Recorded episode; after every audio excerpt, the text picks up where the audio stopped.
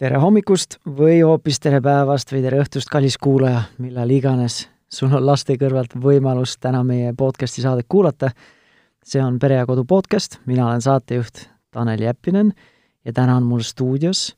äh, võib-olla isegi, ma ütleks, et natukene erandlik, sest reeglina või sagedasemini on meil stuudios naiskülalised,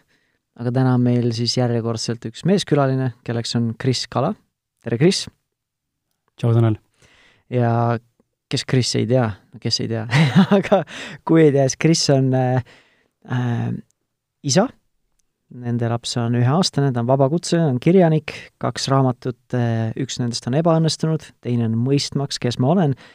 ja siin salvestuse väliselt äh, vihjas äh, õrritajaks, et äh, on varsti ka kolmas äh, raamat tulemas. Ja lisaks sellele on ta veel siis äh, Ausad mehed podcasti saatejuht. Tahad sa, Kris, natukene seda si- sissejuhatust või tutvustust äh, täiendada, et kuidas sa veel ennast äh, defineerid siis inimese ja mehena? ma täpsustaks igaks juhuks võib-olla, sa ütlesid, raamat on ebaõnnestunud, et see pealkiri ise, vaata, on inimest, on inimeste jaoks juba selline, et oot-oot, et kas raamatu nimi on ebaõnnestunud või raamat ise on ebaõnnestunud. et raamat ise ei olnud ebaõnnestunud, et oli väga edukas tol hetkel, kaks tuhat kümme aastal, aga raamatu nimi on siis jah, ebaõnnestunud hüüumärgiga. Aa, mul jäi hüüumärk siin panemata, vabandust nii, aga täna meil on üldine selline teemapüstitus kokku lepitud. eks vaatab, kuhu me tegelikult lõpuks jõuame, et äh, nagu tavaliselt, siis meil sellist intervjuu küsimusi ette ei ole mõeldud, aga tänane selline üldine teemapüstitus, millel äh, siis kahekesi püüame arutleda ja oma kogemusi äh, lihtsalt nagu jagada või, või siis valju häälega siin mõelda, on siis äh, paarisuhe äh, lapsevanematena äh, või siis isana ja siis võib-olla noh, kuna sinul on võrdlemisi noor laps, üheaastane, minu lapsed ei ole ka nüüd tead mis vanad, on kahepoolene ja õige pea viieaastane, et siis see paarisuhte dünaamika muutus selles eluperioodis, kui lapsevanemateks saame. ja võib-olla ma lasen sul siis alustada ja siis ma jagan enda kogemusi, enda mõtteid ka, et kui me alustame sellisest üldisest teemast, et paarisuhe enne ja pärast äh, lapsevanemateks saamist, et äh, kuidas sa siis iseloomustaksid neid võrdlemisi lühidalt, sest kui me juba sel-, me võime juba sellest rääkida tunde ilmselt, et kuidas sa lühidalt iseloomustaksid neid kahte erinevust? enne, kui ma sellele küsimusele võib-olla vastan, siis äh, ma tahan sind tänada, et sa saatesse kutsusid ja tegelikult äh, tahan sind tänada, et saatesse tulid, minu podcasti ka. Et äh, sina, kes sa oled armas Pere ja Kodu podcasti kuulaja, siis äh, ka sulle infoks, et tegelikult kui sa lähed ausalt meeste alla, siis sa leiad ilusti üles ka Taneliga saate, mida saab järgi kuulata ja, ja see on äärmiselt palju väärtust pakkuv. ja, ja samuti aitäh sulle, et sa üldse oled meiega täna siin. aga mis puudutab siis vanemlust või üldse paarisuhet äh, enne ja pärast lapse saamist äh,, mulle tundub, ma just eile kirjutasin sellest, ma ei mäleta, kuhu kohta, aga, aga kirjutasin sellest, et just seesama aspekt tuleb, sisse sinna. et kui meile kõik ümberringi räägivad, mis sind ees ootamas hakkab, kui sa hakkad saama lapsevanemaks, et on ajakulu, võib-olla suhe hakkab lagunema, mis iganes muud hirmud võivad isegi tekkida, su enda sees hakkab toimuma mingisugused sisemised muutused ja väline maailm, võib-olla ka materiaalsega igatepidi saab nagu raputust, siis me tihtipeale ei usu seda sest et äh, noh, nagu ikka meil kombeks on ju, kelle, miks me peaks tahtma kuulata ka teise soovitust ja kogemust, kui me saame ise elada ja ise põleda, on ju. ja mulle tundub, et inimestena me, meil on mingi niisugune soodumus ja tahe ise kõiki asju kogeda, kuigi nagu öeldakse, tark on see, kes kuulab tegelikult teise kogemust ja ei tee sama, sama ämbrisse astumist, on ju, aga ma ei tea, kas see reaalses elus ka peab, pea. peab pind, peab vett see uskumus, et ma olen enamus vead ikkagi ise läbi teinud, et aga, aga mõtle, kui lahe oleks võib-olla mõnda viga võib-olla vältida, kui oskaks nagu niimoodi kaasa mõelda ja tõesti aktsepteerida seda, et äkki tal on õigus. see on tegelikult, kui me räägime tänasesse saate teema kontekstis, siis need väljakutsed, mida mina olen kogenud enda paari suhtes, lapsevanemana nüüd, siis ma ütlekski, need on nagu välja, väljakutsed, et nendes, nende eest võib-olla, ma ei saa öelda, et hoiatati, aga nendest räägiti, aga mõnikord ongi see, et me ei tea, me ei tea seda, mida me ei tea. enne, kui me tegelikult oleme selles situatsioonis, on ju. ja ma ütleks, et tegelikult, kui nendest asjadest läbi töötada, siis mina julgeks küll öelda, et et minu ja minu naise suhe praegu on lähedasem ja tugevam, emotsionaalselt intiimsem, kui ta oli näiteks paar aastat tagasi. et, ähm, et mõnes mõttes needsamad vead, kui me need ise läbi teeme ja nendest õpime, siis äh, see annab tegelikult väärtust juurde, et ei ole mõtet nagu võib-olla, ei ole võib-olla põhjust eh, neid vigasid ka nagu karta ja põdeda, et nüüd hullult tahaks nagu vältida kõiki vigasid. et see on samamoodi nagu inimestevahelistes suhetes, et et on ju väga vale uskumus või arvamus, et hea suhe on see, kus ei ole konflikte. olgu siis paarisuhe või olgu või minu ja lapse vaheline suhe, need konfliktid tulevad nii või teisiti esile, oluline on lihtsalt, kuidas me nende konfliktidega tegeleme. jaa, see on väga hea täpsustus, et äh, ma olen sinuga nõus, aga võib-olla kui tulla selle küsimuse juurde tagasi ja siis anda endapoolne niisugune mm, vastus, mida ma oskan öelda, siis kaks asja, mida märkan ise, mis on väga tugevalt äh, tugevalt muutunud ja, ja mis on raputada saanud, on aeg ja selle ressurss äh,. ja teistpidi siis äh, meie paarisuhte puhul siis intiimsus. et äh, see sai kõige suurema laksu, ma arvan, üldse isaks ja emaks siis lapsevanemate juures saamise juures nii et see oli kindlasti niisugune hästi ootamatu asi ja ma ei oodanud, et niisugune juhtub. ja, ja just see ajaline aspekt, miks ma hakkasin rääkima seda, et meile kogu aeg räägitakse, et äh, laps tuleb, siis sul pole enam aega ja, ja kõik hakkab muutuma ja sa ei usu seda ja siis, kui see hetk kätte jõuab, sa näed, et täitsa lõpp. Neil oligi tegelikult õigus, see vähemalt selle koha pealt. et tõepoolest, sa hakkad nagu aega rohkem väärtustama ja hindama ja sa, sa saad aru, et sul on ainult teatud aega, aega päev, päevas nagu olemas. Jah, ja see tähendab minu enda eelmise kommentaarile võib-olla lisades, et võib-olla ei olegi tähtis neid äh, vigasid siis vältida, aga pigem ongi see, et kui ma oskan valmistuda nendeks väljakutseteks, siis me saame paremini või kiiremini või efektiivsemalt nende väljakutsetega lihtsalt toime tulla mm. -hmm. aga selle aja suhtes ma nagu mõnes mõttes nagu nõustun, sest tegelikult on nagu vähe äh,, vähem aega, aga kui ma enda just selle esimese lapse esimesele aastale või esimestele aastatele järele mõtlen või tagasi mõtlen, siis ma võib-olla isegi täpsustaks seda, et ei ole see ajapuudus, vaid pigem on see spontaansuse ja see vabaduse puudus. sest äh, kui väga vaja, siis ma leian selle aja, aga ma ei saa jätta seda väikest beebit koju, et naisega koos olla, et lähen välja, välja kuskile mm, -hmm. et mulle, mul ei ole seda spontaansust, mis mul oli siis, kui me olime naisega ainult kahekesi. täna tuli, tuli näiteks kuskilt töölt koju, tekkis emotsioon, kuule, lähme täna välja. Lähme siis kohvikusse, lähme kinno kuhu iganes, lähme sõpradele külla, see on võimalik. aga nüüd see vabadus võetakse ära, sest ma ei saa spontaanseid otsuseid teha, ma pean ette planeerima, ma pean otsima lapsehoidjaid, veenma sugulasi, et tuleksid sinna. ja siis mingil määral sõltun nende va-, nii-öelda selliseks valmidusest või siis äh, saadavusest. Et äh, see, ma ise tundsin võib-olla kõige rohkem tagasi vaadates sellest spontaansusest ja sellest vabadusest puudust, isegi võib-olla mitte ajapuudusest jaa, see on huvitav mõte, mäletan, kui ma rasedad olime ja ma ütlen olime, sellepärast et ma usun, et äh, mees väga tugevasti on tegelikult ka rase, kui naine on rase. ja mitte, ma ei mõtle negatiivses mõttes ega poolnaljaga, et peast rase, vaid ma mõtlen päriselt, selles protsessis ollakse koos.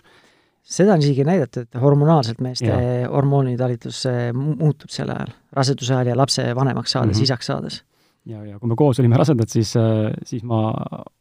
juba eos ette arvestasin sellega, et äh, ja olen ka täna tegelikult järele, tagantjärele mõelnud selle peale, et uskumatu tõesti, et seda spontaansust on nii raske tagasi tuua praegu. ja mitte ainult paari suhte juures, vaid üleüldse igapäevaste tegevuste juures, et kui ma tahan minna siin näiteks äh, Tartusse kellegagi kohtuma või podcast'i tegema või Tallinnasse tahan tulla, siis kui mingil põhjusel elukaaslane tahab kaasa tulla, siis ma ei saa ju last jätta koju mängima, et ma pean arvestama sellega, et tuleb kaasa, mis pole probleem, aga meie puhul täna on see, et näiteks me saame liikuda ainult siis, kui laps magab. ehk siis lõunauinak, paneme autosse, magab, siis saame sõita. muidu see lihtsalt ei ole võimalik, et äh, see lihtsalt, lihtsalt ei ole võimalik muidu lihtsalt. ja õhtused tulemised me samamoodi, et äh, õhtuse ööga, ööunega siis tuleme nii-öelda tagasi ja siis otse juba voodisse. et äh, natuke nagu piirab, mis justkui nagu on nagu negatiivne, samas see on niisugune hästi lahe, teistmoodi nagu lahe selline kulgemine ja olemine ja õppimine ja tunnetamine, et näha enda võib-olla rea-, reaktsioone ja reageeringuid mingite situatsioonidele, kus, kus sul ei, ei ole enam kontrolli nagu täielikult olemas ja see sõltubki sellest lapsest ja võib-olla kellestki veel. ja, ja see mina nagu tasand jääb tugevalt tahaplaanile. üldse mitte alles alguses, vaid just ongi, sa, sa väärtustad teist olendit või siis inimest, oma naist ja last rohkem ja temast tulenevalt sa teed ka otsuseid hmm.. see on, ma nagu nõustun sellega, et, et need prioriteedid ja valikud, neid, neid me teeme teistmoodi isana, aga ma nagu ei taha nõustuda sellega, et me peaksime jääma tahaplaani, sest varsti muidu juhtubki see, et mul ei olegi lihtsalt enam midagi anda, mul ei ole ressursse, mul ei ole pakkuda midagi oma naisele, oma lapsele, kohalolekut, energiat, aega, sest ma olen ise läbi põlenud, on ju. aga kui me tuleme nüüd selle paarisuhte juurde tagasi, et mis ja kus need asjad muutuvad, sest äh, mina olin enda naisega koos enne, kui me lapsevanemateks saime, kolmteist aastat. me olime keskkoolist saati koos ja selle kolmeteist aasta jooksul meie suhe loomulikult käis käis need Ameerika mäed läbi, et me olime, mingil perioodil olime lahku minemas, siis ikkagi tulime kokku, pingutasime mõlemad selle suhte nimel, et taastada mingid, mingid äh, lähedused ja, lähedus ja nii edasi, aga ma ütleks küll tagant, tagant, äh, tagantjärele nüüd, et äh, et mitte miski, mis varem meie suhtes oli, ei valmistunud meid, ei valmistunud meid selleks ette, mis ootas meid lapsevanematena. et äh, kuidas sa ise sellesse nüüd, ma rohkem praegu enda kogemust äh, ei, ei jaga või ma ei taha nagu üle võtta seda saadet, aga kuidas äh,, kuidas sina ise suhestud sellega, mis sa arvad, kust ja miks need sellised muutused on olnud, mis teie olete kogenud ja äkki saad neid natukene äh, avada? ma olen, ma olen sinuga nõus selles mõttes, et ähm, et see, see, see muutub ja see suhe ja kõik see dünaamika, aga samal ajal võib-olla niisugune tervisliku tasakaalu leidmine on, on üsnagi tehtav, et äh, ma täna ei, ei tunne otseselt näiteks seda, et äh, lapsevanemaks olemine või saamine oleks kuidagi mu elu raskemaks teinud. Ähm, võib-olla need etapid on mul olla sees, ma kujutan ette, et võib-olla kui laps oleks puberteediealine, siis võib-olla on juba teine teema. aga kuna ta on aastane täna ja ise, iseseisvalt väga nagu nii-öelda ei tegutse, siis äh, siis suuresti ikkagi saan kuidagi nagu ohjad võtta ka muudes valdkonnas enda, enda alla ja teha enda asju. aga suhtele ma arvan, et see ettevalmistus või ettevalmistat-, ettevalmistamatus oli see, mis äh, raputas just intiimsuse valdkonnas. et äh, see, et äh, pärast rasedust noh, me ilmselt ei tea, aga alateadlikult võib-olla oleme kuulnud ja teadnud ja kuskilt kuulnud ja näinud, lugenud, et need naiste hormoonid muutuvad raseduse etapi jooksul meeletult ja ka pärast ja, ja sa oled ise rääkinud ka sellest eelnevalt minuga, et rasedusjärgne depressioon, mis võib-olla nii meestel kui naistel. mul on tunne, et midagi väga tugevat muutus mu elukaaslases näiteks. ja, ja selle tulemusena siis äh, mitte ei muutunud see, et ta mind vähem ihaldaks näiteks mehena või, või ta ei tunneks ennast piisavalt naiselikuna, vaid äh, kuidagi laps äh, muutus number üks prioriteediks, mis on, ma arvan, niisugune tüüpviga, mida võib-olla esimese esiklapse puhul tavaliselt tehakse, et äh, laps number üks, mees number kaks ja, ja võib-olla ma ise naisena olen üldse number kolm, on ju. et äh, et see mees kaob pildist ära kuidagi ja, ja tekib hästi tugev niisugune armastus ja hoolivus ja tahe nagu tähelepanu jagada selle lapsele ainult. ja, ja loomulikult äh, loo, loomupäraselt on see normaalne, ma arvan, ja mingi hetk hakkab see võib-olla vaibuma ja hakkab see tasakaalustuma ja, ja muutuma ja korrigeerima ennast, aga, aga meie puhul oli näha, et äh, tänu sellele lapse sünnile ja sellele, ütleme, niisugusele teadlikule lähenemisele, kuidas endalt last, siis tulevast tütart või, või nüüdsest tütart kasvatada, siis mu naisel äh, kuidagi käivitusid mingid sisemised protsessid, mida pole üldse, millele pole ta enne varem mõelnudki, sest et ei osanud lihtsalt. ja tuli välja, et seal on väga sügav mustrid tegelikult, mis äh, ei puudutagi otseselt meie suhet, vaid äh, mis tegelikult tulid pinnale üldse tema minevikust ja mingitest pereliinide ja niisuguste nagu naisenergiate ja siin on palju niisugust esoteerilist võib-olla mõtteainet, aga aga ma täna olen veendunud, et äh, tõepoolest väga palju võib olla mõjutatud sellest, kuidas meie esivanemad on võib-olla elanud, äh, õpetanud, äh, millist perspektiivi meisse süstinud, ja see kõik on nagu raku tasandil isegi võib-olla mingil määral talletunud. ja mingi trigger on see, mis sind võib-olla käivitab ja selle sinust välja toob. ja meil selguski, et see intiimprobleem tegelikult äh, noh, ma saan rääkida ainult seda, mis mina näen, ma ei ole enda elukaaslane ise, ma ei, ma ei tea, mis ta sees tegelikult niimoodi toimub, on ju, sõna-sõnalt, aga ma saan aru sellest, et tal, tal käivituski mingisugune selline mitte nagu piisava armastuse tundmine ja, ja, ja tunnete väljenduse oskus, mis on siis pärinenud tegelikult tema eelnevatelt generatsioonidelt, mis on tegelikult ta emal, ta vanaemal olnud, ta vana-vanaemal olnud sees. ja see kõik on ühtemoodi kogu aeg nendes suhetes nagu aktuaalne olnud mingil eluetapil, nüüd on see meil täna ja sellega täna ta siis tegeleb. No isegi, kui mitte nendesse esoteerilistesse asjadesse uskuda, et nüüd raku tasemel mingid asjad sees on, siis eh, kas me tahame või me ei taha, me õpime suhtlemismustreid äh, oma vanematelt alateadlikult. sest äh, kui lapsed on väikesed, siis äh, põhimõtteliselt on nii-öelda see kaamera silm on täiesti ilma filtrita, kõik lihtsalt talletub meie enda alateadvusse, et kui tuleb selline sisend, siis me peame käituma sellist moodi. ja, ja väga sagedasti ajalooliselt ka ikkagi emad on olnud sellist ennast ohverdavad. Äh, see on käinud nagu ema rolliga kaasas ja ma ise tunnen täpselt samamoodi enda naise puhul ja tema ise on seda jaganud ka, et ta tunnebki, et kui kui ta paneb ennast esikohale, siis ta tunneb, et ta ei ole hea ema. et ta tunneb ennast süüdi, kui ta väärtustab iseennast ja enda vajadusi. ja noh, see on üks osa olnud sellest, mis meie oleme omavahel rääkinud ja terapeudi kabinetis rääkinud, et äh, on äh, mänginud olulist rolli tema enda, minu naise sünnitusjärgse depressiooni avaldumisel, avaldumisel, nii et äh, et selliseid põlvkondlikke mustreid kindlasti on, mis, mis mõjutavad. ja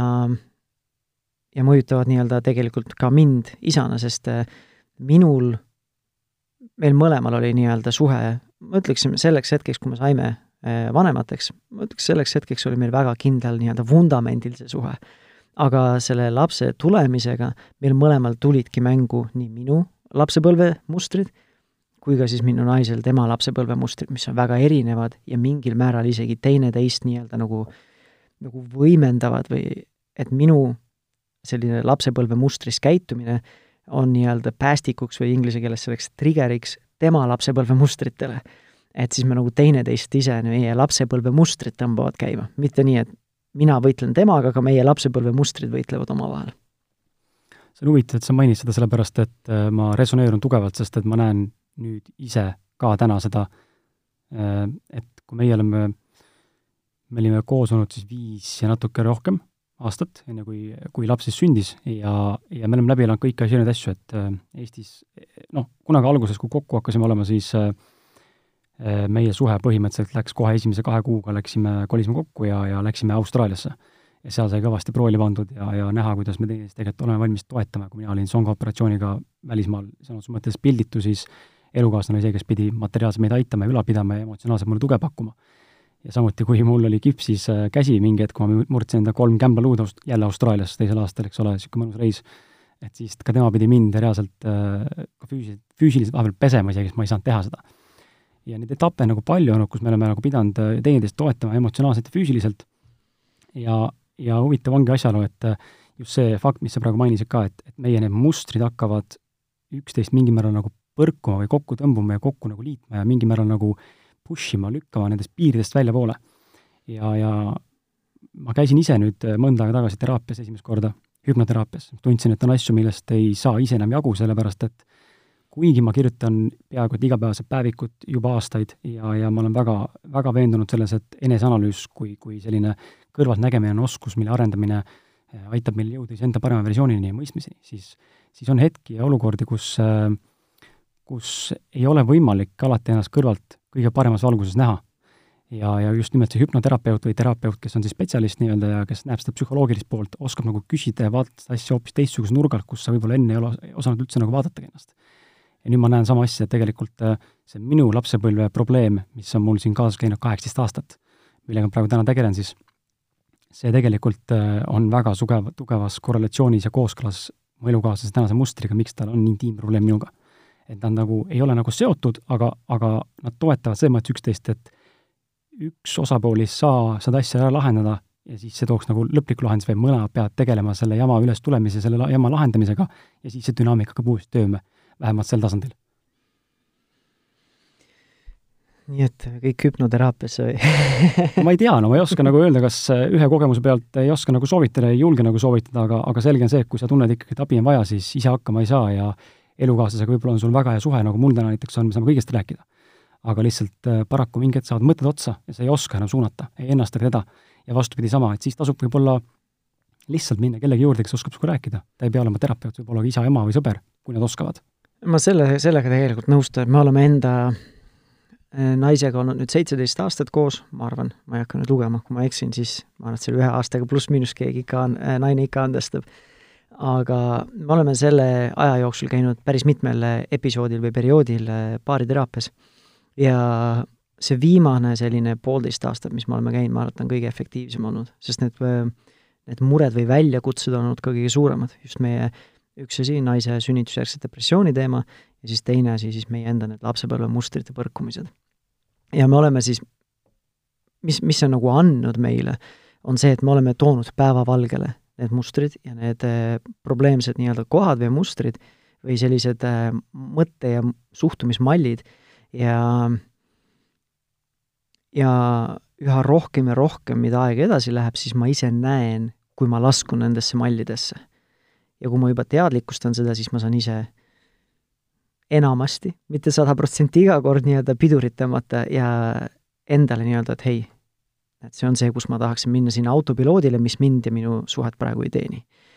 mõnikord siis tuleb see äratundmine alles olukorra järgselt, aga mida rohkem nagu me oleme teadlikustanud neid, siis seda rohkem ma ise märkan juba kas selle olukorra käigus või olukorra eel, et nüüd ma hakkan sinna laskuma ja saan siis seda nii-öelda käsipiduri peale tõmmata ja ise teha teadliku valiku, kuidas ma tahan siin olukorras äh, reageerida või käituda mm. -hmm. tulles korra tagasi selle juurde, mida nagu lapsevanemaks äh, saamine või olemine nagu muudab veel suhtes või üldse, siis lisaks selle ajalisele faktorile, mis minu elus on või suhtes on esile tulnud ja, ja ka sellele intiimsusprobleemile või siis nagu sellele etapile nii-öelda, et äh, huvitav on ka see, et alles ma ei mäleta, kas alles, aga ütleme, üsna tihti viimasel ajal küsitakse sõprade poolt ka, et noh, mis tunne on isa siis. ja, ja see on nagu midagi jälle, ma arvan, sellist nagu, mis ei ole üldse seotud nagu otseselt suhtega, aga üldse vanemaks olemise või, või emaks-isaks saamisega, ma arvan, et ma saan ja Tanel, sina saad ka rääkida ka naiste eest, et see tunne ilmselt on väga sarnane. Ja see on kirjeldamatu, seda ei, nagu ei saa kirjeldada, mis, mis vähemalt minu puhul, mis tunne sellega kaasneb, kui ma sain isaks, et ma ei oska nagu kirjeldada, aga midagi siin kupli all muutus ja, ja tekkis selline niisugune nagu vastutus või, või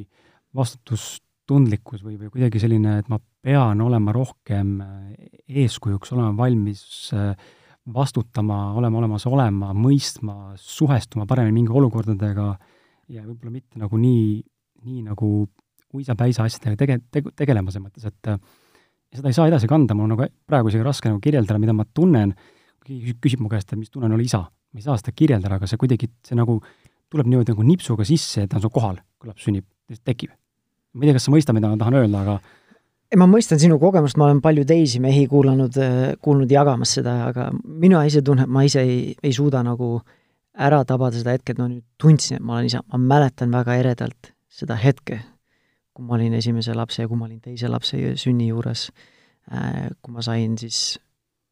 küll ämmaemand või õde pani nii-öelda lapse sinna naise, naise rinnale, aga kui ma siis tegin talle pai ja olin, kallistasin oma naist ja oma, oma last ja nii edasi, mul väga eredalt need meeles.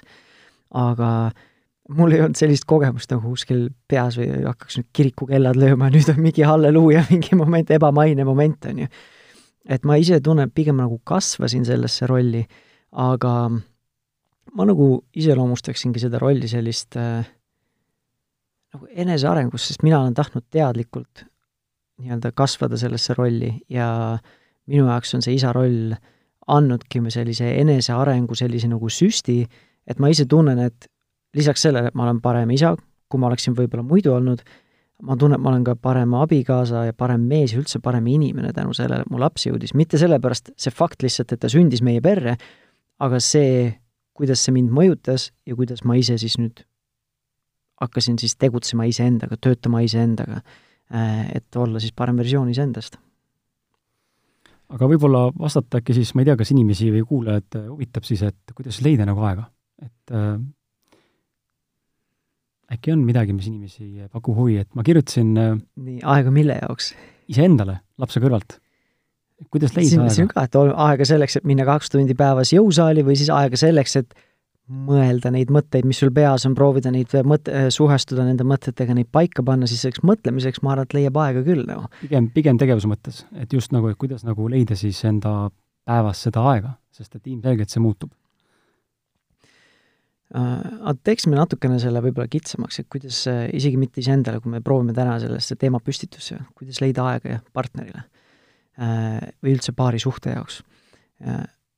sa oled mitu korda tegelikult äh, selle välja toonud, ma ei tea, kas sa tahad natukene sügavamalt sellesse minna, sa ütled, et äh, kõige rohkem on see mõjutanud teie enda intiimsust mm. -hmm. Tahad sa natuke rohkem rääkida sellest või ei taha? sõltub, mis sa küsid, aga ma arvan, et võime rääkida. sest noh, kui meie saime lapsevanemateks, siis see on nagu standard, on ju, et pärast seda käid veel ämmaemanda juures või naine käib ja siis nagu standard ikka, et noh, füüsiliselt me võime hakata seksima, võime nii-öelda regulaarselt või üldse noh, seksuaalelu hakata elama umbes kuue nädala pärast. Aga see ongi füüsiliselt mitte see, et kas naine on vaimselt või emotsionaalselt mingil hetkel valmis selleks üldse. et, ähm, et väga palju Äh, on paare, kus äh, see füüsiline valmisolek on ammu juba olemas, aga mingid blokeeringud seal on. Äh, olgu siis mingid vaimsed blokeeringud, aga võib-olla just mingi selline emotsionaalne valmidus seda teha, võib-olla see emotsionaalne intiimsus, mis ole, võiks olla nagu eelduseks sellest, selleks, et füüsiliselt olla intiimne ja nii edasi, et ma ei tea, ma ei tea väga palju paare, kellega ma rääkinud olen, kes ütleksid, et et pärast lapse sündimist neil on nagu oluliselt parem seksuaalelu ma tean paare, eh, kellel on siis ütleme, mõni aasta pärast seda, aga see esimene aasta, on ju. ja mina ei tea, meil, meil on olnud küll perioodi selle viie aasta jooksul, mis me oleme lapsevanemad, kus me tunneme, et meie seksuaalelu on päris selline ma ei oska öelda eestikeelset sõna, inglisekeelne sõna tule, tule, mis tuleb, on vibrant või selline nii-öelda nagu energiline või see paljupakkuv äh, mõlemale osapoolele. aga see ei ole olnud niimoodi nagu konstant, et nagu kogu aeg, et on olnud mingeid perioode, on ju ja kui ma vaatan tagasi, siis need perioodid tavaliselt on kattunud nende aegadega, kus mingite kas meie enda otsuste tagajärjel või siis väliste tegurite, nii-öelda stressitegurite puudumisel, et meil ongi nii-öelda pingevabam aeg olnud, kas on see siis pikem puhkus olnud kuskil või, või mingid muud perioodid on tööga, tööpinged oluliselt vähem ja nii edasi. et kui kogu aeg on need pinged peal, siis tavaliselt meil ei olegi seda mm. -hmm. et see on natuke minu enda selline eneseanalüüs või selle suhteanalüüs, et eh, tahad sa iseenda kogemust jagada või mõtestada natukene? jaa, ma võin jagada küll, et äh, minu äh, ütleme, niisuguse intiimsuhte tsölibaat kestis kolmteist kuud, et äh, aasta ja kuu peaaegu siis äh, kokku, kus siis puudus igasugune seksuaalne tegevus, mis tähendab seda, et kui laps on täna siis noh, nüüd ta natuke tegelikult vanem, aga, aga noh, sest saade tuleb hiljem välja, eks ole, aga oleme natuke vanem, et ütleme, poolteise aasta jooksul siis mul läks aega ja umbes kolmteist kuud, et jõuda selleni, et naine oleks valmis tegema esimese sammu taas seksuaalsuse suunas. ja, ja, ja ma tegin kõike, et seda, et seda kiirendada ja juhtida. et meie sünnitus nagu oli kodusünnitus ja, ja meie, meie rasedus oli ka selles mõttes ma ütleks, et nagu teadlik naine oli hästi valmis selleks ja, ja valmistunud nii, nii vaimselt kui ka füüsiliselt ja kõik oli tore, kõik läks hästi, kõik läks ülihästi ja, ja ei olnud ühtegi füüsilist takistust, nagu sa mainisid ka. aga kuidagi lihtsalt tulidki need muud probleemid esile ja ma olen äh, selle siis kolmeteise kuu jooksul, enne kui see juhtus või juhtunud polnud, üritanud kõike teha, et äh, ma ei tea, alates seal massaažist, üldmassaažist kuni joonimassaaži koolituseni, kus ma käisin Epp Kärsini juures ja, ja olen seda kodus praktiseerinud ja, ja lootnud, et äkki see kuidagi utsitab ja käivitab uuesti mingisuguse intiimsuse ja sellise olemuse ja koos olemise mõnu ja rõõmu. aga, aga paraku ei ja, ja siis ühel hetkel lihtsalt äh, kuidagi, kuidagi käis ta see klikk ära pärast kolmeteist kuud ja ta soovis puhtast huvist nii-öelda siis äh, proovida ja, ja tunnetada, mis tunne on uuesti siis äh, seksida. ja, ja aga huvitav on ka see, et meie, meie puhul võib-olla, mis on nagu mitte miinus, aga võib-olla mis takistab, on ka see, et laps magab meiega ühes voodis. et meil ei ole lapse järele oma tuba. mis automaatselt paneb siis naise kui emana nii-öelda kogu aeg on attention, antennid on püsti kogu aeg ja, ja kogu aeg on tähelepanu lapsele, kas ta, kuidas ta hingab ja kas ta nüüd äh, vähkleb seal voodis, mitte ja kas ta on üles ärkamas ja kas on vaja tissi anda ja seda asja otsa, et ei saa nagu minna täiesti sellesse loomulikku võib-olla või lõdvestumise momenti. aga teiselt poolt jällegi mm, tahaks ma jube, jubedalt nagu öelda enda kaitseks ja mingi määral ka nagu poolnaljaga, et tegelikult see ei ole nagu takistus, kui väga tegelikult tahta ja, ja, ja proovida, sest et nii väike laps ei saa tavaliselt aru või noh, ta ei ärka üles tegelikult mingit, kui sa just ei tee, ma ei tea, mida seal voodis on, aga ta ei ärka nagu ülesse. ja, ja, ja teisalt jällegi meie, meie puhul ma arvan, kindlasti on see oluline, et äh, me ei ole need lapsevanemad vähemalt täna, äh, kes, kes, kes oleks võimelised ja suutelised last kuskile andma või jätma, et ise minna ja olla kahekesti. et kuidagi äh, kuidagi see südametunnistus ja, ja minu, minu nagu see maailmavaade ja ma tean, mu elukaaslase maailmavaade ka kuidagi ei lase nagu teha seda. kuidagi see tundub nii, nii nagu, mitte nagu vale üld, üldmõistes, aga meie jaoks nii nagu võõras. et me ei tahaks nagu lapsest üldse eemal olla. ja mul täna isegi siin näiteks on, üldse linnas käies, mul on raske lapsest nagu eemal olla. mitte ma olen klammerdunud, aga mul on kogu aeg see konstantselt peas tunne, et pagan küll, et ma ei ole nagu oma naise ja lapsele toeks. et, et tegelikult ju võiks nagu aidata, et pagan, ta on kodus üksinda, et äh, kas ta ikka saab hakkama või? ta saab, aga ikkagi mingid mõtted on peas ja kogu aeg nagu tahab nagu tekkida see, et noh, et mm, ma ei oskagi olla nagu ilma lapse ja naiseta. no üks asi on see, et äh, nii-öelda olles mõned aastad ees äh, sinu, sinu teekonnast, ma arvan, et see on mingil määral loomulik, aga mingil hetkel ikkagi võiks hakata proovima kahekesi olla, sest see on ütlemata selline värskendav, suht, värskust, värskust äh, suhtesse toov, kuigi ma mäletan, kui me olime naisega, läksime esimest korda kodust ära ööseks, siis see esimene kord ja esimene öö oli kõige raskem naisele. minule mingil määral ka, aga, aga mitte nii palju, meil oli noorem poja oligi siis umbes sama vana nagu teie, teie laps, me läksime kaheks ööks. Tartus elame, Narva-Jõesuu, et mitte väga lähedale jääda et eemale minna aga sinu loo juurde tagasi tuled, kas sa oled mõelnud, et äkki võib-olla see pani su naisele just rohkem pingeid peale, et sa nagu sa ütlesid, et sa proovisid kõike? et see oli nagu võib-olla ülepingutatud, et see pani just ekstra pingeid peale, selle asemel, et tegelikult pingeid maha võtta? jaa, sada protsenti. me oleme sel teemal rääkinud ka ja ja, ja, ja, ja see lähebki selle juurde jälle tagasi, et jutumärkides nagu vägisi midagi sundida ei olegi võimalik, et inimene peab ise valmis olema selleks, ükskõik mis muutusi me elus ette ei võta ka, siis keegi ei saa meid väljaspoolt äh, veenda milleski uue nagu õpituses või, või mille, millegi uue omandamises. see peab meie seest nagu justkui ise käivituma ja ja, ja ma arvan, et see vastab tõele, et äh, minu see pidev proovimine ja heatahtlik niisugune sundimine mingil määral või nagu ma ei teagi, meele järgi olemine, püüdmine kuidagi, see nagu ei teinud asja kohe kindlasti mitte lihtsamaks, vaid võib-olla hoopis äh, rohkem, rohkem blokeeris omalt poolt ma võin natuke lisada seda ka, et sarkasm ka kindlasti ei aita ja, ja et kui viskad vahepeal nalja, no mingi jälle seksi kohta et noh, et või kuskil tuleb jutuks, ah noh, me ei ole mingi, ma ei tea, kui kaua aega saanud või kuskil mingi naljatleda, siis et siis see tavaliselt, noh, et meie puhul kindlasti ei ole kaasa aidanud sellele. see paneb rohkem lukku, sada protsenti, sada protsenti, seda nägin ise ka. aga kui me räägime nüüd sellest äh, lastest ja seksimisest, siis äh, nagu sa ütlesid, et et kui see tegelikult, see soov on olemas ja valmidus selleks, siis loomulikult oleneb naisest. Äh, et siis see lapse lähedus sada protsenti vabaks lasta ilmselt ei saa, aga see nagu ei ole ületamatu takistus.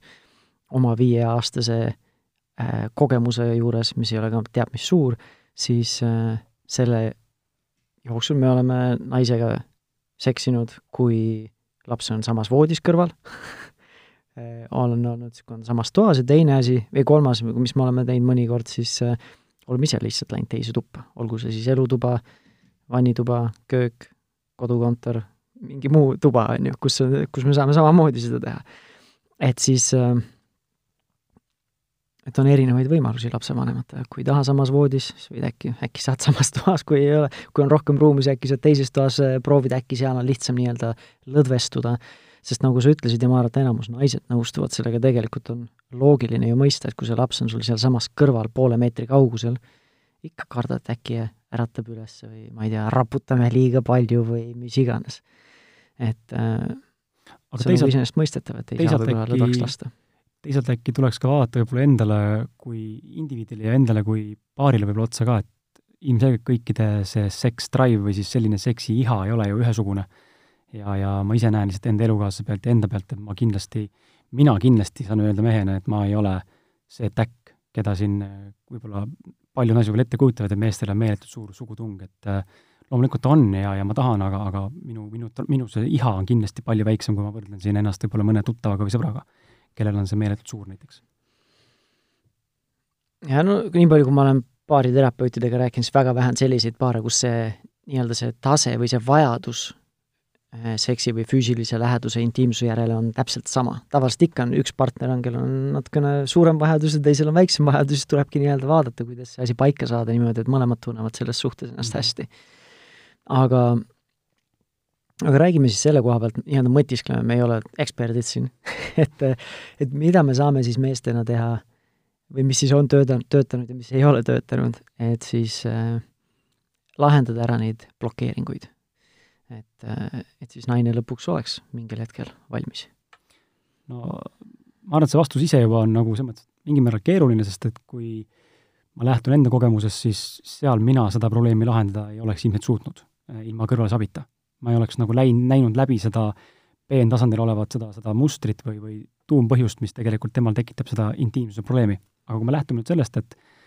oletame, et meil ei ole mingeid sügavaid traumasid ja, ja tegelikult on kõik fine suhtes, aga lihtsalt ei ole kuidagi seda seks, seksiisu või, või laps on kuidagi meist, meid üksteisest nagu kaugenenud, vanematest või paaridest, siis äh, ma arvan, et mees, äh, üks suurimaid asju, mida mina olen näinud enda suhte puhul ja mis on mulle õpetanud ka, on, on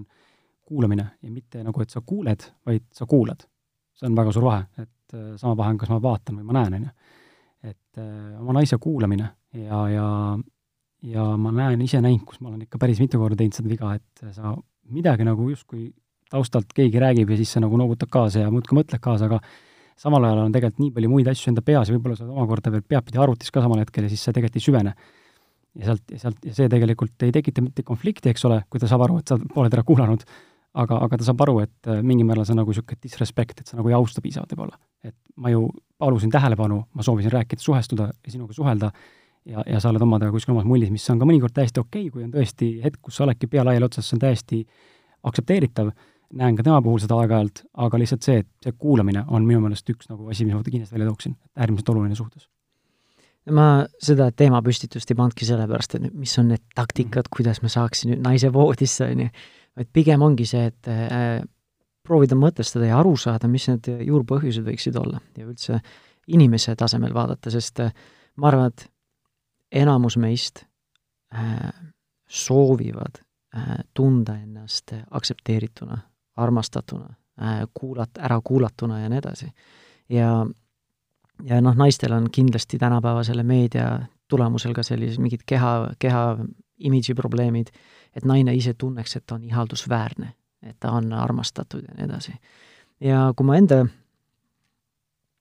enda kogemust vaatan, et see tegelikult seda mingid, ma ei tea, kui teaduslikud need on, aga mingeid uuringuid ma olen näinud, et et need mehed, kes teevad kodus rohkem koduseid töid, siis saavad rohkem seksi, et, et see on naiste jaoks, ma ei tea, atraktiivne, et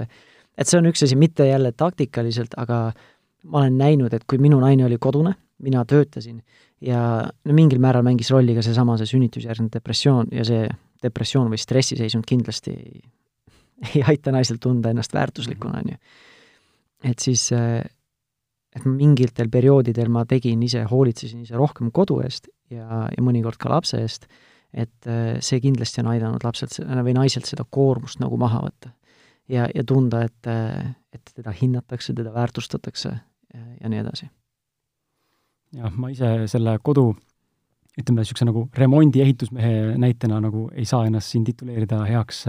heaks meespartneriks, et ma olen täitsa siidikäpp, et äh, aga ma ka remonti teen, ma pesin nõusid see, see on loomulikult, et ma, mina olen see meil peres, kes peseb nõusid ja teeb süüa ja koristab, et mulle see väga meeldib. et pesu, pesu ma ei pese, see on ainuke asi, mida ma täna ei tee veel. Ja mähkmeid ei pese, aga muidu jah.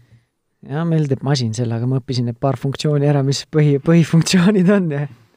et sellega, sellega saab ka hakkama ja see oligi kusjuures see, see, see, see näide tuleb paari nädala tagusest ajast. mul on olnud võrdlemisi kiired ja stressirikkad äh, nädalad, üldse paar kuud töö, tööasjus. ja mingil hetkel oligi see, et oli vaja pesu, uus pesumasinas, uus pesu masinasse panna, siis läksingi sinna panipaika, panin pesu pessu, voltisin äh, kuivad pesud ära ja ma ei teinud seda nagu žestiks, ma ei teinud seda, et plusspunkte teenida, lihtsalt äh, noh, endal oli ka hea töömõtted kuskile mujale panna, lihtsalt teha midagi, mis on väga lihtne, nii-öelda motoorne mingi asi, mida saab võib-olla autopiloodil teha, aga lihtsalt lülitada endast, ennast korraks teisele kanalile ja kuna see ei ole asi, mida ma teen järjepidevalt ja kogu aeg, et see on, see pesu pesemine ja see voltimine on pigem meie kodus nii-öelda naise ülesanne, või noh, tema teeb seda enamasti, ja see on nagu nii naljakas, kuidas ta sellest veel mingi nädal aega hiljem ka rääkis, et see oli tõesti mulle suur asi. et ma nägin, et sa panustad, panustad siia, teed seda, ma ei tea, hingega, hoolid minust ja nii edasi. see liigutas. jah, et see kõnetas ja, ja see, see, see läks talle korda. ma ei saa öelda, et nüüd, ma ei mäleta, ma ei teinud ristikest kuskile kalendrisse mm, -hmm. kas ma nüüd õhtul sain selle pärast, aga see, see nagu ei olegi niimoodi taktikaline, et ilmselt kui ainult selle pärast teha selliseid asju, et siis võib-olla see nagu ei lähe nii palju korda, sest sul see motivatsioon ja selline ma ei tea, hoolivus võib-olla puudub nende tegu, tegude taga. see pole ehe võib-olla enam, see on nagu sama võib-olla analoog enda igapäevaellu, et tulla korraks nagu vanemlusest üldse välja, siis kui sa teed midagi teisele selleks, et lootes, et ta kunagi saab midagi ja saad uuesti vastu, siis mina olen näinud, et see ka ei tööta. et nagu kui sa tahad midagi anda, siis anna südamest ja, ja kui sealt vastu midagi ei tule, siis that's all fine. aga nagu minna eesmärgiga, et ma nüüd siit äkki saan vot nüüd sealt saab midagi vastu, on ju, siis see on jälle see, et see ei ole ehe, see ei ole siiras enam. nõus. Äh, ja nüüd enne, varsti hakkame lõpetama, aga nüüd tuleks natukene veel tagasi selle seksi juurde, et äh, et mis meie oma, oma partneriga, oma naisega oleme siis äh, leidnud viisi, et kui naisel tõesti oli mingi psühholoogiline blokeering nii-öelda see tavalise või traditsioonilise seksi suhtes, siis on ka palju teisi viise, kuidas, kuidas nii-öelda füüsilist lähedust tunda. et selle jaoks ei pea alati äh, ma ei tea, seksima või siis äh, alati orgasmi saama, et lihtsalt olla füüsiliselt lähedane, kaisutada rohkem, paitada, silitada, oleks vahepeal selline lihtsalt mingi mänguli, mänguline nii-öelda laks vastu tagumikku siin-seal, on ju, kui keegi köögis toimetab või et, et leida muid viise, kuidas seda füüsilise läheduse nii-öelda jutumärkides tassi täita. Et neid viise on tegelikult palju, saab paitada, saab juukseid, juukseid teha, saab patsi teisele teha äh,, äh, sul on endal pikad juuksed, te saate teineteisele patsi teha mõnikord, mõnikord teemegi et äh, saab masseerida, saab silitada, saab niisama patsu anda äh, tagumiku peale või, või mis iganes. niisama voodis ka paitada, silitada, kallistada, kaisutada, ilma mingi tagamõtteta. Et kui me ennem sellest rääkisime niisama naljatlemisest, siis mingil, mingil hetkel meie, meie suhtes oligi see, et iga kord, kui mina nalja tegin, mõnikord see oligi naljana mõeldud, aga naine võttis seda rünnakuna, et -hmm. tema nüüd ei täida oma osa suhtest või ta võttis nagu seda kohustusena. ja see pani teda veel rohkem plokki mm, -hmm. mis on nagu arusaadav. ja mina lihtsalt alguses ei saanud sellest aru, sest ma mõnikord lihtsalt tegingi jälle sarkastilise nalja ilma tagamõtteta, mitte see, et ah, sa niikuinii ei anna kunagi, on ju, mhm. või siis, et kas ikka lõpuks täna saab, aga nalja, noh, tema võttis seda nalja nii-öelda rünnakuna. ja, ja see kindlasti ei aidanud tal nii-öelda lõpuks siis nii-öelda ava, avaneda ja, ja. et neid nal-, nalja, naljaämbrid olen mina ka teinud, et ma arvan, päris palju, et äh, tänaseks ma näen ka, et see, see ei, see ei vii nagu et kui päeva jooksul, nädala jooksul teha neid sarkastilisi nalju kogu aeg, siis see õhtul seksi nii-öelda ei too tõenäoliselt väga suure tõenäosusega. aga ma olen nõus, et ja kui piisavalt palju neid teha, ega tavaliselt enam neid naera, naerupahvakuid ka ei too ei, enam, et naermine ikka lõpuks enam aja jah, et pigem on see juba niisugune tülgastav ja ebameeldiv, et äh, lõpeta juba ära, on ju, et äh, aga, aga ma olen nagu sinuga nõus, see loetelu on, on pikk ja, ja kindlasti, mis sa loetlesid, on seal asju veel, mida tegelikult veel teha võib-olla saaks, et ma praegu paugust ei oskagi nagu kohe öelda, aga ma tean, et meie rituaalid on küll õhtuti, eh, kui me isegi ei seksi, siis eh, noh, mida me täna tegelikult põhimõtteliselt ei teegi, siis eh, on selja sügamine ja masseerimine, et või silitamine lihtsalt olemine samamoodi, et need on nagu sellised elementaarsed asjad, mis me kogu aeg üksteise teeme ja, ja see on nii mõnus lihtsalt, ma võin naist äh, hea meelega masseerida selga, kanni, reisi, jalga, käsi, vahet pole mida, kus, kus poolt, kust iganes, tundide viisi. mulle meeldib see, et äh, eks see on mingi väike pervertlikkus ka sees, ma arvan, meestele, et see meeldib. naise keha kompida ja jube hea sõtkuda seda, seda ihu, ilusat keha, on ju, aga samal ajal mulle tõesti meeldib ka pakkuda talle, sest ma tean, tegelikult see on talle kasulik. ta me-, talle meeldib see. ja sellega ma olen ise natukene nii-öelda natukene pange pannud, sest äh, äh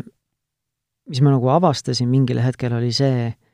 et iga kord, kui ma masseerisin, siis naine arvas, et nüüd pärast seda ma ootan temalt seksi. ja selle, selle tõttu siis ta sagedasti tegelikult ei suutnud seda võib-olla isegi nautida, ei suutnudki seda vastu võtta kui siis midagi, mida ma tahan talle anda, ilma millegi vastusaamist ja loomulikult ilms-, või noh, ilmselgelt need minu need naljad mängisid rolli seal, miks see nii-öelda naisel oli nagu no, selline ettekujutus, et nüüd, kui me, see oli, ma mäletan tükk aega, kui me isegi teraapias käisime, siis ta rääkis äh, tagasivaatavalt, et iga kord, kui ma lihtsalt andsin talle musi või me suudlesime, siis ta tundis, et nüüd sellele peab midagi järgnema mm. -hmm. ja kui ei järgne, siis ta tunneb ennast halvasti, et ta ei täida oma naise kohust mm. -hmm. samad mõtted on meil peres. Täpselt, täpselt, samad mõtted, täpselt samad tunded, et äh, ja väga palju on olnud selle kolmeteise kuu jooksul hetki, kus äh,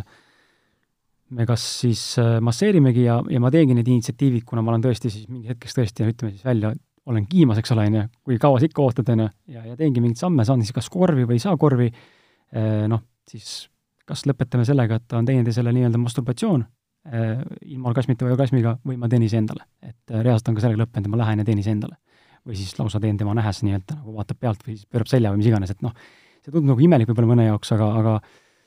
kui on vaja, on vaja, noh, mis sa siis teed, ma ei saa, ma ei saa endale valetada, et ei, ma nüüd siis okei okay,, et tegelikult tahtsin, aga no ma ei olnud, okei okay,, noh ma ei saa, ju siis on vaja ära teha ära lõpetada ja sellega on kergem olla ja, ja kui ma ei pane talle just seda pinget ka peale, et ma nüüd viimasel olen öelnud ka, et äh, masseerimine ei tähenda seda, et ma tahan kindlasti saada õhtu seksi. see on tore, kui ma seda saaksin, aga, aga see ei ole enam mu eesmärk, alguses kindlasti oli. Et ma ei hakka üldse valetama ja keerutama, aga, aga täna just see, et võtta see pinge tal maha ja ja ta on öelnud ka, et iga kord, kui ma olen talt selle pinge maha võtnud verbaalselt, öelnud, et sa ei pea mitte midagi õhtul tegema minu jaoks. ma võin, võin ennast ise ka rahuldada, lihtsalt tuba masseerin, sest ma saan olla kontaktis sinuga füüsiliselt. see on minu viis tunnetada seda, et ma olen ikkagi lähedal. siis äh, tal on nagu endal palju mõnusam olla nõus nagu me ise juba tunnistasime, et me oleme sar-, sarna-, sarnaseid asju nagu kogenud või neid vigasid teinud. ja üks asi, meil on äh, arust vähemalt kahel korral, kui mitte kolmel korral, on käinud siin äh, podcastis üks äh, baariterapeut Roman Timofejev, kellega ma olen ise sõbrunenud ja sõbraks saanud ja oleme vahepeal käinud ka siin lõunatel, siis mida ma nagu temalt olen õppinud ja enda suhtesse kaasa võtnud, on seesama, et et füüsilisele intiimsusele või füüsilise intiimsuse eelduseks on emotsionaalne intiimsus ja lähedus. et, äh, et panustadagi ja mitte jälle ainult sellepärast sinna emotsionaalsesse intiimsusse, et nüüd kunagi seksi saada, on ju, või et see päev tuleks kiiremini lähedale, aga lihtsalt, et panustada enda ja oma naise vahelisse suhtesse ja sellesse, tõsta selle kvaliteeti ja tunda iseennast selles suhtes paremini ja et naine tunneks selles suhtes ennast paremini ja ja nii edasi. et ma tean, meil on näiteks selline rituaalne aeg, mis ongi nagu minu ja minu naise vaheline kvaliteetaeg, et selle jaoks ei pea alati minema kuskile date night'ile, et otsima lapsehoidjat, me saame neljaks tunniks ära minna või saame paariks ööks kuskile spaasse minna Narva-Jõesuhu, on ju. aga me oleme teinud erinevaid asju, mänginud õhtuti lauamänge, kui lapsed on mag-, magama läinud, oleme vaadanud paar sarja arvutist, mingi paar võib-olla tundide viisi, on ju, ja lihtsalt diivani peal kaisutanud ja söönud mingi, ma ei tea, hallitusjuuste, mingit snäkki või viinamarjasid või füüsaleid, on ju aga üks asi, mis on peaaegu selline nagu rituaalne tegevus, mis meie jaoks on, meil on kodus saun. Ja tavaliselt me läheme sauna siis, kui lapsed on magama pandud ja siis see on otse kui meie selline nagu tempel, kus me saame olla kahekesi vaikuses või paneme mingi meditatsiooni, mingi sellise mõnusa rahustava muusika peale ja lihtsalt istume ja oleme selles ühes väikeses mingi puukastis, põhimõtteliselt puu, puu, puidust ruumis, on ju, ja ja see on see koht, kus me saame rääkida neid südamest südamesse vestluseid, et tõesti, mitte ainult kuulata neid sõnu, mida me räägime, aga ka proovida olla samal emotsionaalsel nii-öelda lainesagedusel ja olla teineteise jaoks olemas. ja mingil määral nagu seda empaatiat väljendada, olla samal lainesagedusel, tunnetada neid samu asju, mõista teineteist ja nii edasi. ja see selline rituaalne tegevus, ma olen näinud, kui ma rääkisin enne ka, et meil on mingid perioodid olnud, kus meil tõesti on olnud selline hästi elujõuline, võib-olla energiline, ma ei tea, energiline, emotsionaalne selline seksuaalelu selle lapsevanema äh, kogemuse ajal, siis väga sagedasti on meil olnud selline väga järjepidev selline rutiinne iganädalane selline sauna, sauna teema. vahepeal on see ära lagunenud, näiteks suvel lihtsalt ei käi nii palju saunas, päevad olid pikemad, lapsed maga-, olid üleval kauem, on ju, mängisid õues ja nii edasi, aga selline emotsionaalse kontakti olemasolu on meie suhtes alati olnud äh, nii-öelda peaaegu nagu korrelatsioonis selle seksuaalelu aktiivsusega mm. -hmm. täitsa mõistan. vot, on sul endal mingi oma elukogemusi, kuidas siis seda emotsionaalset intiimsust tõsta või mida te olete teinud või mis on teie jaoks töötanud või, äh, või ei ole praegu midagi väga jagada? Äh, pigem, pigem ei hakkaks mingit tühja juttu ajama, sest et ei ole midagi konkreetset, mis praegu pähe kargab, et me oleme alles ka nii alguses selle lapse vanemluse teemaga, et alles aasta põhimõtteliselt möödas ja ja, ja esimene suurem samm siis seksuaalsuse suunas on tegelikult tehtud juba uuesti pärast kolmeteist kuud, nii et äh, vaatame, kuhu see nagu liigub, et äh, mõlemad käime teraapias ja ja, ja eks ole näha. hea muidugi kõrvalt öelda, et võtke vabalt aga aga vaat-, ei tea, kuidas seda siis rakendada või see on nii-öelda nii eba, ebamäärane nagu soovitus ka, aga eks me võtame ja võib-olla ma nagu viimase asjana võib-olla, võib-olla paneksin nagu selle südamele, et ma ei saa kõigi meeste eest rääkida, aga aga ma tõesti loodan, et meestel, kes meid täna kuulavad, või, või naistel, kellel on mehed kodus, et et see seksuaalsuse puudumine ei ole minu meelest tegelikult väga suures laastus tegelikult nagu väga suur draama või probleem, et ma tean paare põgusalt äh, kellel tõesti ei ole, kellel puudub seksuaalelu, aga kellel on väga ilus armastus. Ja, ja ma usun, et seks on armastuse juures boonus, loomulikult seda on vaja teha ja see on oluline, aga ma näiteks ei näe ise täna ennast selle mehena, kes peaks minema otsima seksi kuskil mujalt, sellepärast et äh, ma kodus ei saa. et petta nii-öelda partnerit siis, et ma kindlasti rõhuks selle truudusele ja, ja, ja austusele ja, ja kannatlikkusele, mis selles suhtes on siis sel etapil, mis, mis siis paraku seda seksi ei too nii-öelda, et äh, ei tasu joosta kohe küla peale, ma arvan ja nüüd sa avasid nagu uue Pandora laeka, et eks seal neid põhjuseid ja neid äh, alusemotsioone on hästi palju, nagu sa nüüd tõid selle ka, et selline hirm, et äkki muidu ma kaotan partneri ja nii edasi, et siis ma hakkan iseennast sundima, ükskõik kumb pool on ju, et ma hakkan ennast sundima tegema midagi, milleks ma tegelikult ei ole valmis ja, ja nii edasi, et eks nii nagu paljude suhte puhul, suhteteemalistele saadete puhul, et äh, proovige olla võimalikult ehedad iseendaga kõigepealt ja, ja omavahel ja rääkige ilma ründamata, avatult, avatud kaartidega sellest, mis teie emotsioonid on, mis vajadused on, ja nagu sina tõid välja ka, mina olen siin saates ka korduvalt olnud või selles podcastis erinevates saadetes, et et kui ise nagu ei suuda seda lahti arutada, siis on täiesti okei okay otsida professionaali abi. see on minu arust nagu üks siis nagu tugevuse märk, mitte nõrkuse märk, aga ka selle pühendumuse märk, et jaa, ma tahan sinuga koos olla, ma tahan selle välja töötada ja see on okei okay., me saame lihtsalt vahepeal mingit kõrvalist sisendit, keegi, kes oskab võib-olla näha asju, mida meie ei näe, sest puude keskel nagu umbes seda metsa ei näe või kuidas see ütlus on, on ju. et äh, või noh, kui kala käest küsida, et mis on vesi, siis ta ka ei oska sulle öelda, aga keegi kõrvaltvaatajana oskab seda paremini öelda või kirjeldada mm. -hmm. vot. et sellised mõtted, nagu me võib-olla alguses jäi ütlemata, et see ei ole mingi eksperdisaade, sellised kaks meest, kes räägivad ja arutavad ja võib-olla kõva häälega mõtlevad, et loodetavasti oli huvitav kuulamine, oli midagi kaasa võtta. kui oli ja mingeid mõtteid tekitas, siis kindlasti leiate viisi, kuidas kommenteerida kas Facebooki lehel, kus see podcast on üleval või kuskil mujal leiate meid üles, saate kommenteerida ja kritiseerida või siis, või siis pöidlad püsti visata, et suur-suur aitäh sulle, Kris, et sa võtsid aega tulla aitäh. siia arutama, mõtteid jagama, kõva häälega mõtlema nendel teemadel, mis äh, kipuvad olema võib-olla mõnikord tabuteemad, aga ma arvan, et need on seda enam, nagu nendel teemadel võiks arutleda avat-, avalikult või avatult. ja teistpidi jälle ma arvan ka see, et äh, võib-olla täna ei ole midagi uut, aga, aga mõnikord on see, et A inimene räägib sulle ühte juttu ja B inimene räägib sama juttu sõna-sõnalt ja ka B inimesest saad sa paremini aru, sest et suhestud teiste inimestega paremini võib-olla. täiesti võib-olla. nii et suur-suur aitäh sulle, Kris! aitäh! kui keegi samastus sinuga ja nagu me alguses mainisime, äh, sul on endal ka podcast Ausad mehed kust äh, selle üles leiab, internetiavarustest? Äh, jah, Delfist, SoundCloudist, Spotify'st, iTunes'ist, Castbox'ist, Google podcast'ist ja Overcast'ist ja kriskala.com lehelt. Ehk siis, kust ei leia seda ehk siis podcast'i nimi on Ausad mehed. nii et äh, kui Krisi mõttemaailm samastus sinu omaga, siis saad Ausad mehed podcast'i panna ka enda äh, enda lemmik podcast'ide nimekirja ja siis äh, neid, äh, neid saateid ka kuulata. aga sulle ka suur-suur aitäh, kuulaja, et sa võtsid tänaseks peaaegu tund aega aega, et meie tänast mõttevahetust äh, kuulata ja kui soovid, siis meil nii-öelda selles podcast'ide arhiivis on juba üle kuuekümne saate,